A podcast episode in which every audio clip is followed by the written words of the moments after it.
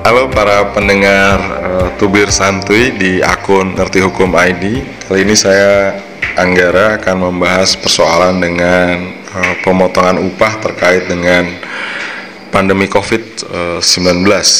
Jadi uh, pertanyaan ini datang ke saya dan penting buat kita bahas bersama. Jadi uh, kalau kita melihat ke Undang-Undang Nomor 13 Tahun 2003 tentang tenaga kerjaan Upah pada dasarnya adalah hak pekerja atau buruh yang diterima dan dinyatakan dalam bentuk uang sebagai imbalan dari pengusaha kepada pekerja buruh atau buruh yang ditetapkan dan dibayarkan berdasarkan suatu perjanjian kerja, kesepakatan atau peraturan perundang-undangan di mana komponennya termasuk juga tunjangan bagi pekerja buruh dan atau keluarganya atas pekerjaan atau jasa yang telah dilakukan oleh pekerja atau buruh tersebut kepada perusahaan. Nah, tapi dalam situasi pandemi seperti sekarang, apakah perusahaan yang dalam kategori ternyata menjadi punya kesulitan dalam cash flow-nya bisa melakukan pembayaran upah di bawah upah minimum, misalnya dengan penangguhan pembayaran upah atau dengan cara-cara lain. Nah, sebetulnya kalau kita lihat lagi dalam peraturan perundang-undangan, maka ada memang penangguhan upah minimum apabila perusahaan tidak sanggup membayar sesuai standar upah minimum. Namun pada dasarnya penangguhan itu tetap harus dirundingkan antara pengusaha dan pekerja atau melewati serikat pekerja dan kemudian ada upaya eh, penangguhan yang dimohonkan kepada gubernur. Nah, ini diatur soal tata cara pelaksanaan penangguhan upah minimum. Tapi pada dasarnya ketentuan-ketentuan ini baru berlaku apabila upah minimum belum ditetapkan oleh uh, gubernur atau kepala daerah.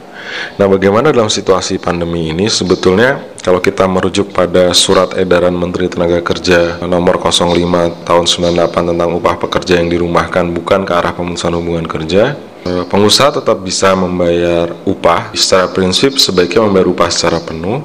Tapi apabila pengusaha tidak bisa membayar upah secara penuh, maka harus dirundingkan antara pengusaha dengan pekerja atau melewati serikat pekerja mengenai besarnya upah selama dirumahkan. Karena selama pandemi ini kan praktis seluruh perusahaan terutama di daerah-daerah yang menerapkan PSBB atau pembatasan sosial berskala besar pekerja dirumahkan oleh e, para pengusaha. Karena itu kalaupun ada yang tidak mampu membayar upah secara penuh maka prinsipnya harus dirundingkan antara perusahaan dan uh, pekerja melalui serikat pekerja karena undang-undang tenaga kerjaan kita tuh menghindarkan pemutusan hubungan kerja dalam bentuk berbagai bentuk sebetulnya termasuk salah satunya mengurangi upah dan fasilitas pekerja tingkat atas, mengurangi shift, mengurangi jam kerja, mengurangi hari kerja atau meliburkan atau merumahkan pekerja atau buruh secara bergilir untuk sementara waktu. Karena itu, pada prinsipnya pekerja atau buruh yang dirumahkan tetap berhak mendapatkan upah penuh atau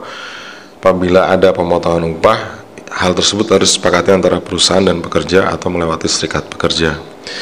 Demikian tubir santuy kali ini. Jangan lupa untuk tetap follow kami di Ngerti Hukum ID atau melalui media sosial kami yang lain ya di Twitter, fanpage, LinkedIn, Instagram di Ngerti Hukum ID atau join di channel Telegram kami Ngerti Hukum ID. Sampai ketemu lagi di tubir santuy berikutnya.